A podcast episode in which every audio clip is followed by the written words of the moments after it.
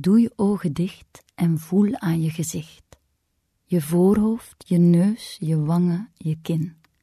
Zo voelt de buitenkant, de muur van huid tussen buitenuit en binnenin. Deze man hier, Lodewijk Engelbert van Arenberg, had als kind prima ogen, maar op zijn 25ste werd hij blind. Het gebeurde in zijn gigantische hof in Edingen. Zijn zakenvriend Lord Gordon dacht een patrijs te zien achter de haag. Hij legde aan en schoot. Paf!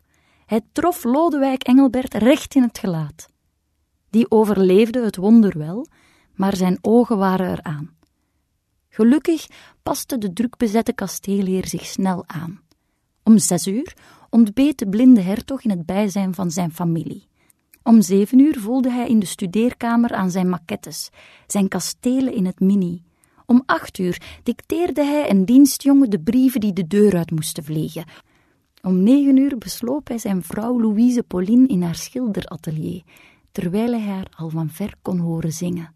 Vervolgens klom hij op zijn paard, speelde kaart, nam deel aan een ballonvaart, trok naar de opera of een concert.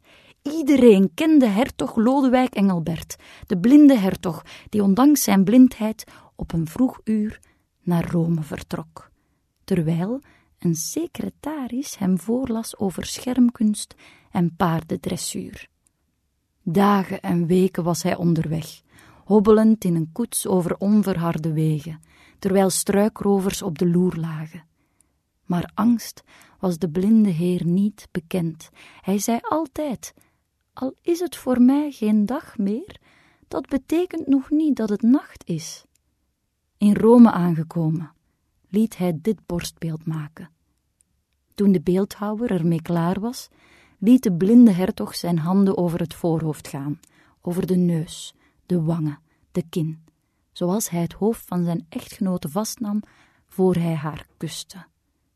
De blinde hertog was dan wel een ijdel man, maar hij kuste de buste niet. Nee, hij riep: Dit ben ik! Het is perfect! Dit is hertog Lodewijk Engelbert tot in de eeuwigheid! Tot in 2019 zal men de beeltenis van de blinde hertog zien.